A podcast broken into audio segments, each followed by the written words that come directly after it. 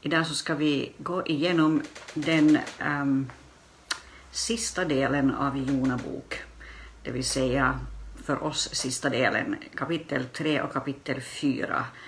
De övriga kapitlen, kapitel 1 och 2, uh, eh, hittar du i tidigare sändningar, uh, alltså om du går några söndagar tillbaka, och också på Youtube, på Vasa Metskos Youtube-sida. Och det här är alltså någonting som uh, vi gjorde live klockan 10 i morse och som jag dessutom vill sända på det här sättet så att vi kan um, spara den här undervisningen och också få ut den till en lite bredare publik i den här något märkliga tiden. Vi ska börja alldeles nu och uh, bara be kort först att Gud får tala till oss. Jesus, jag ber att det här enkla som vi går in i nu, Jona, och hans liv, att det skulle få röra oss och våra liv. Tala till oss, Gud. Amen. Jag tänkte läsa från kapitel 3 och kapitel 4 så får du sammanhanget. Det är alltså Jona bok i Gamla testamentet. Jona var alltså den här profeten som fick en kallelse från Gud att dra iväg till Nineve för att predika för den stora staden. Han hade absolut ingen lust att göra det och han var kanske den jag tänkte säga han var kanske den första som reagerade så, men det var han säkert inte. Och han är nog inte den sista heller. Det är många av oss som kan ha reagerat precis på samma sätt när, när Gud har talat till oss. Han for inte till Nineve först, utan han for på en helt annan resa i precis motsatt riktning. Nu har vi kommit så långt i den här berättelsen att han har varit tre dygn i valfiskens buk och där gjort upp med sitt liv och också lovat Gud att nu vill han ändra på sin egen väg och sin vandring och nu vill han gå, gå enligt, det, enligt den riktning som Gud har visat honom. Och eh, nu har vi kommit så långt som till det att han eh, får uppleva att Gud kommer en andra gång till honom och ger honom en arbetsbeskrivning. Det står så här i kapitel 3 och jag läser nu både kapitel 3 och kapitel 4 och du kan gärna följa med i din egen bibel.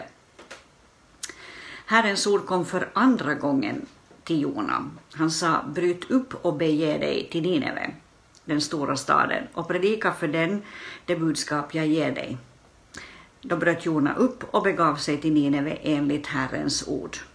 Men Nineve var en stor stad inför Gud, tre dagsresor lång. Jona gick en dagsresa in i stan och predikade och sade, om 40 dagar ska Nineve förstöras. Och folket i Nineve trodde på Gud de utlyste en fasta och klädde sig i säcktyg från den störste av dem till den minste.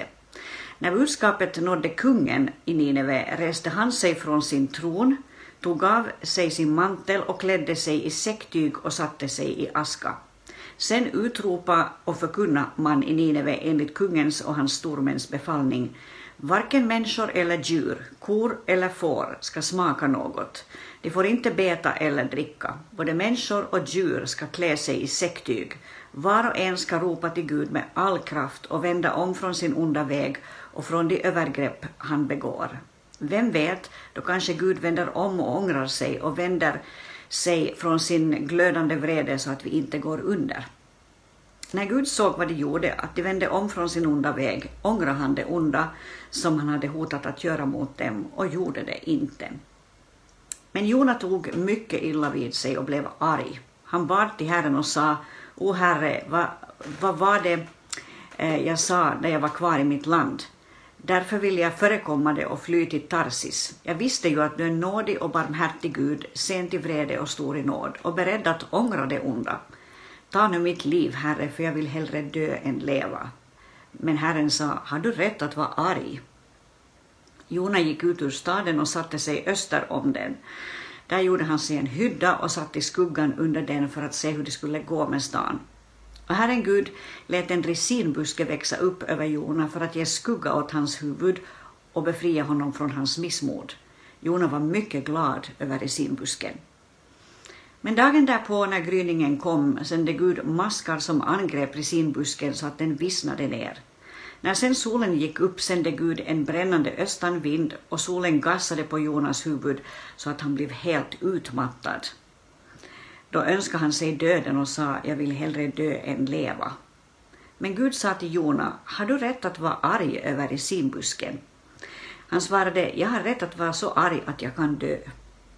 Eh, då sa Herren, du bryr dig om resinbusken som du inte har lagt någon möda på och inte odlat, som kom till dig på en natt och försvann efter en natt. Skulle då inte jag bry mig om Nineve, den stora staden där det finns mer än 120 000 människor som inte kan skilja mellan höger och vänster och dessutom många djur.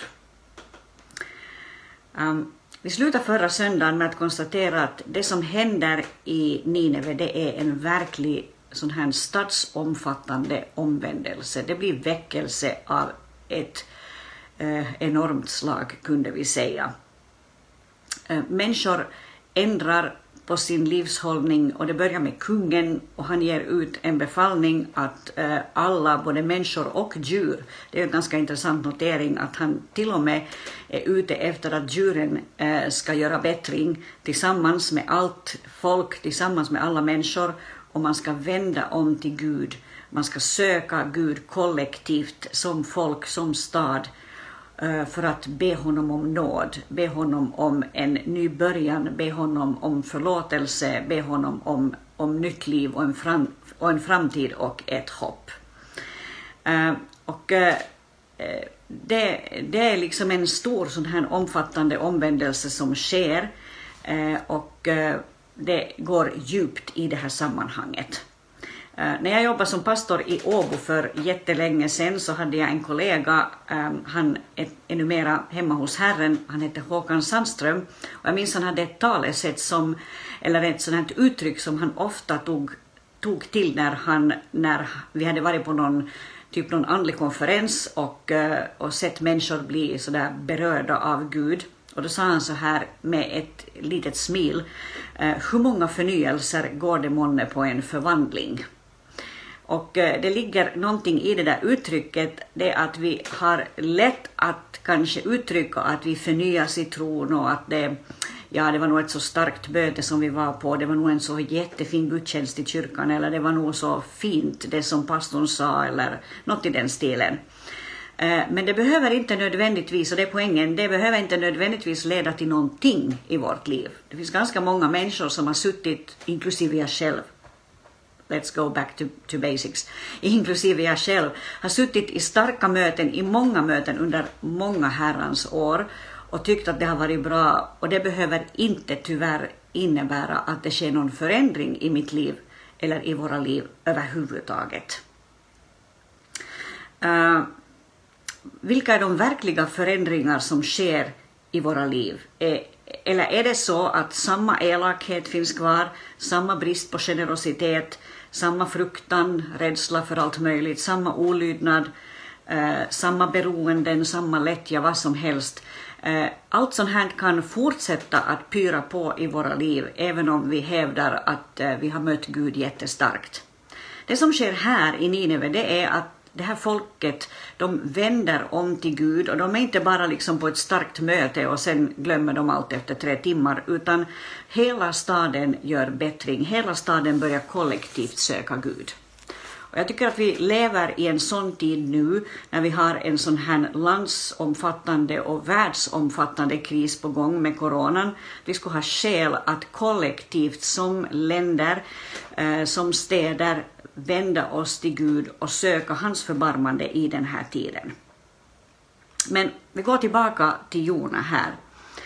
Uh, I Jona sker också en förvandling, eh, precis som det sker i folket här. I Jona sker den förvandlingen att han i alla fall går dit Gud vill ha honom. Sen eh, kommer vi att märka lite senare i den här texten, sen kan vi med all rätt fråga oss om hans attityd och hans hjärta för de här som han predikar till, om hans attityd till dem, till dem är den rätta. Um, när man sitter i ett flygplan, om jag får ta en bild här emellan, när man sitter i ett flygplan och planet ska alldeles snart uh, börja lyfta, uh, så går ju de här uh, flygvärdinnorna igenom de här säkerhetsföreskrifterna och i något skede så börjar de tala om de här oxygen masks som man ska ta på sig ifall lyfttrycket sjunker och planet väldigt snabbt förlorar höjd till exempel.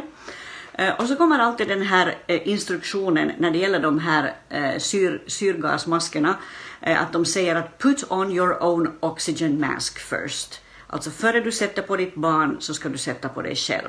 Och det här är nog en väldigt bra bild så där generellt i livet att förrän du är ute efter att fixa någonting i någon annan människas liv och uttala dig om någon annan människa, att den människan skulle verkligen behöva möta Gud eller något annat liknande, så kom ihåg din egen oxygen mask. Eh, det börjar alltid med dig själv.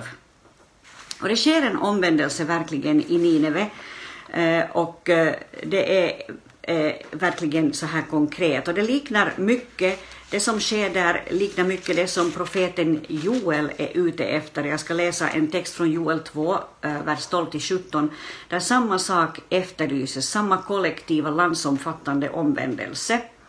Eh, det står så här i kapitel 2 i vers 12 i Joels bok. Han profeterar och säger, precis som, som Jona, men nu säger Herren, vänd om till mig av hela ert hjärta med fasta gråt och klagan. Riv sönder era hjärtan, inte era kläder, och vänd om till Herren er Gud, för han är nådig och barmhärtig, sen till vrede och stor i nåd. Och han ångrar det onda. Vem vet, Kanske han vänder om och ångrar sig och lämnar kvar en välsignelse efter sig till matoffer och drickoffer åt Herren er Gud.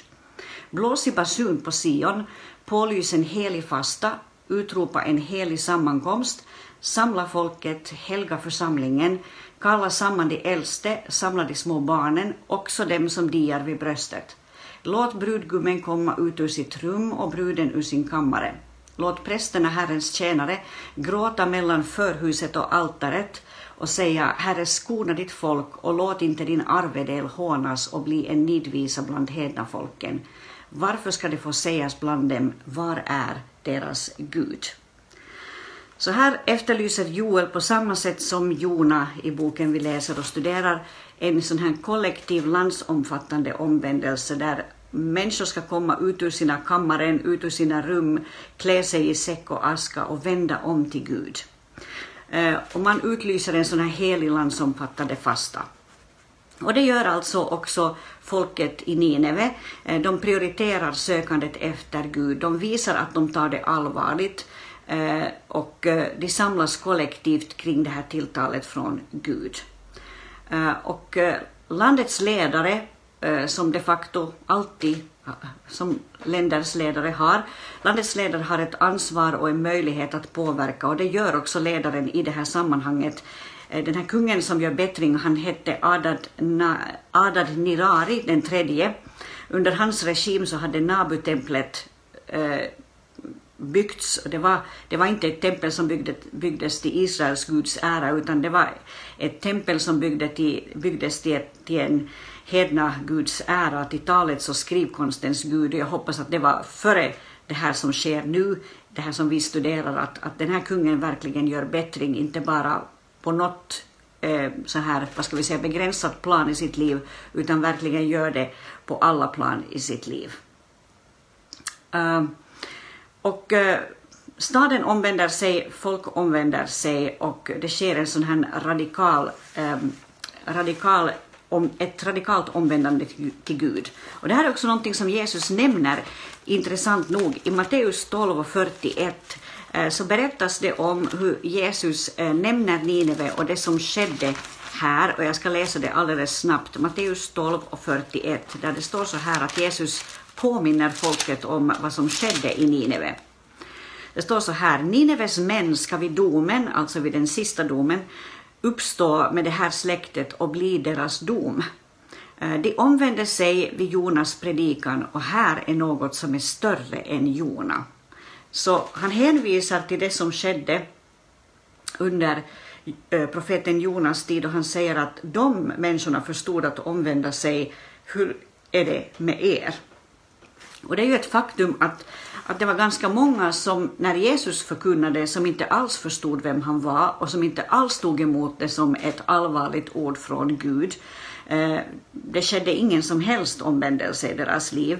Eh, I Matteus 12 lite tidigare så står det att, att de säger så här, de här fariseerna, att Mästare, vi vill se dig göra ett tecken, ge oss ännu ett tecken. Eh, och de är liksom inte nöjda med det de hör från Jesus. Det, det sker ingen förändring i deras liv. Eh, I Lukas 4, alldeles i slutet av det kapitlet, så står det att de vill störta Jesus ner för ett berg. Eh, de förstår inte att han är Messias. I Matteus 2, som jag har nämnt om tidigare någon gång, så, så berättas om hur de här vise männen från Österlandet, de förstår att Jesus är Messias, medan de här landets andliga ledare inte gör det. Eh, så det är inte alltid en självklarhet att vi gör bättring och att vi vänder om även om Gud sänder oss en möjlighet till det. Eh, och eh, därför har vi nog skäl att lära oss någonting av den här situationen. Eh, om vi då lämnar folkets reaktion här och kungens reaktion och går till, till Jona, den här profeten, så är det helt uppenbart att han är fruktansvärt besviken på det som händer. Han är helt klart ute efter fire, kunde vi säga. Han blev ordentligt arg när Gud inte smällde till och visade folket var skåpet skulle stå. Uh, vi kan le lite åt den här reaktionen, uh, att, att Jona är så barnslig att han liksom vill se staden förgöras istället för att staden uh, omvänder sig. Men, men Jesus råkar ut för precis samma sak också. Det berättas i, i Lukas 9 att när, när Jesus och lärjungarna är ute och går eh, så börjar lärjungarna plötsligt också föreslå att de ska kalla ner eld så att staden får förgöras. Eh, jag ska läsa det alldeles hastigt, vers 51-56 i Lukas 9. När tiden för hans upptagande var inne vände han sitt ansikte mot Jerusalem, fast besluten att gå dit. Han sände budbärare framför sig och de gick iväg och kom in i en samarisk by för att förbereda hans ankomst. Men folket tog inte emot honom eftersom han var på väg mot Jerusalem. När lärjungarna Jakob och Johannes såg det sa de, Herre, vill du att vi ska kalla ner eld från himlen som förtär dem? Men Jesus vände sig om och tillrättavisade dem och de gick vidare till en annan by. Så här är det lärjungarna som är lika lika klipska inom citationstecken som Jona. De vill ha eld från himlen, de vill ha en riktig sån här, ett riktigt straff från Gud manifesterad, precis som Jona vill här. Medan Jesus försöker visa lärjungarna och Gud försöker visa Jona i den här texten som vi studerar att han är ute efter människors hjärtan, också ute efter profetens hjärta, också ute efter våra hjärtan. Och det kan också hända oss att vi idag eh, i den här tiden när vi kanske ser mycket som vi tycker vänder sig mot Guds vilja, mycket som vi tycker att är helt upp och ner i det här samhället. Det kan också hända att vi börjar bli såna här, eller att vi låter som såna här domsförkunnande troende som önskar att Gud skulle sända eld och svavel från himlen och bara liksom förgöra hela systemet så det blir någon ordning på det här på den här situationen. Eh, och det här kan vara väldigt ofta ett uttryck för våra egna sårade hjärtan, för våra egna hårda hjärtan, precis som det var för Jona här. Jesus hade ett hjärta för de här samarierna när de gick igenom den här samariska staden, medan Petrus och Johannes inte hade det. Jesus ville att de skulle vinnas för hans rike, de här människorna, medan de här lärjungarna bara var ute efter ett straff. Och det är nog som om någonting skulle ha dött på insidan, också på Jona här. Passionen för Gud, passionen för Guds rike. rike. Eh, han förstår liksom inte att, att, eh, att Gud är ute efter att få röra vid de här människorna i Nineve. Och han säger, ta nu mitt liv, säger han till Gud. Jag vill hellre vara död än leva. Han har nog några deeper issues på gång här. Det finns ingen glädje i hans liv över att människor omvänder sig, ingen glädje över det andliga genombrott han ser, ingen glädje över det resultat hans förkunnelse ger. Han är fullständigt tom på insidan. Eller så är han bara så i grunden arg över Ninevebornas syndiga liv att han inte kan svälja det faktum att de fick uppleva nåd. Han är besviken över att de inte får sitt straff. Eh, och eh, det här är nog en signal till oss också i den här tiden. Det finns stor risk, som jag redan sa, men jag ska trycka på det lite mera här. Det finns stor risk också att vi reagerar på sådana här synder som vi tycker är mer allvarliga än andra synder kanske, eh, tycker att människor bär sig förskräckligt åt och vi kan ha samma typ av hjärtan som Jona. Och då har vi nog skäl att fundera på eh, vilket hjärta hade Gud i den här situationen? Gud benådade den här staden och Gud är också ute efter att visa sin nåd till människor i den här tiden. Uh, Gud visar sin omsorg om Jona genom att låta en resinbuske växa upp. Han visar sin kärlek till Nineve genom att ta bort sitt, sitt hotande straff över staden. Eh, men han visar också sin omsorg om, ni, om, om, förlåt, om Jona i den här situationen. Och det skulle ha kunnat leda till att Jona skulle ha smält, vad, heter det på, på svenska, smultit eh, av Guds godhet och omsorg, men Jonas ser ingenting av det. Han är bara liksom hård på insidan. Det finns ingen kärlek eh, till Nineve där och det finns ingen kärlek till människor där. Uh, och det här blir nog den här starka signalen som jag själv plockar upp ur den här berättelsen och den, den här berättelsens sista del. Uh, och det får bli det här huvudbudskapet idag. Vilket hjärta har jag för den stad som jag lever i? Vilket hjärta har jag för människor som kanske är fast i saker och ting som jag tycker att är fruktansvärda? Hur mycket ser jag av min egen synd? Hur mycket ser jag av saker som jag själv är fast i och borde bli befriad från? Hur mycket av Guds hjärta ryms i mitt hjärta, eh, hur mycket av Guds nåd har fått prägla mitt liv, vad hör människor när de hör mig, är det mera straff eh, från Gud än nåd från Gud? Eh, hur mycket har Guds nåd fått prägla mitt liv? Hur mycket har, har Guds nåd fått prägla ditt liv? vi kommer, och det här är lite reklam samtidigt. Vi kommer nästa vecka att starta en serie kring Romarbrevet och det är, liksom en, det är verkligen ett möte med Guds nåd och Guds barmhärtighet. Också med Guds rättfärdighet och Guds renhet, men, men framförallt ett möte med Guds nåd och Guds barmhärtighet. Jag hoppas att du vill följa med den serien också när vi börjar den. Och jag tror att vi behöver lära oss att sköljas verkligen i den nåd och sköljas i den kärlek från Gud som gör att vi får kapacitet att också handskas med människor som kanske lever i saker och ting som vi tycker, är, tycker att är fruktansvärda, inom citationstecken, men som inte alls är mer fruktansvärda än saker som vi själva kanske brottas med. Så budskapet eh, som vi får ta till oss idag är, är nog det här att på samma sätt som Gud ville visa sin kärlek till Jona vill han visa sin kärlek till oss. Istället för att bli frustrerade över alla hemskheter vi ser i vår värld, istället för att tänka att ja, coronan är nog Guds straff över hela den här jorden, vilket den kanske kan vara på sitt sätt, den kan vara en kallelse från Gud till det här människosläktet att verkligen vända om och vända hem till honom. Men istället för att liksom så ut det ordet som ett våldsamt hårt ord från Gud så kan vi proklamera och förkunna att det finns ett Guds hjärta som brinner av kärlek till varje människa på den här jorden. Varje förvirrad själ, varje människa som har tappat bort sig, tappat bort sin identitet, tappat bort sig totalt. Guds kärlek brinner för var och en till att hitta hem. Och när vi gör det så kan upprättelsen börja ske i våra liv och vi kan få uppleva att, eh, att Gud förvandlar oss och, och gör oss till de människor som han har kallat oss till att vara. Så jag hoppas att det här har fått ge dig någonting, att eh, du har fått lära dig någonting om Jona genom det här studiet, att du också kanske har fått lära dig någonting om dig själv eh, genom det här. Välkommen igen nästa vecka, då hoppar vi in i Romarbrevets första kapitel. Du kan gärna läsa det på förhand så har du en liten sån här bakgrundskunskap i det. Så får jag önska dig en jättefin dag. Eh, vi ber i Vasa Metsko om en halvtimme. Har du bönämnen kan du gärna skicka in dem eh, på message till mig eh, eller komma med själv. Vi ryms åtminstone tio personer får vara med om det här. Fler kan vi inte vara, men, men tio är helt okej. Okay. Skicka gärna in dina böneämnen så ber vi tillsammans och du kan vara säker på det att Guds nåd är skriven över ditt liv idag och Guds barmhärtighet väntar på dig. Så sök honom av hela ditt hjärta. Säg Gud, jag vill ha med dig att göra. Jag vill uppleva dig på riktigt. Inte bara som någon religiös upplevelse, utan på riktigt. Och du kan vara säker på att det är någonting som han vill låta dig få uppleva. Ha en riktigt, riktigt fin vecka och så ses vi igen nästa söndag. Hej då.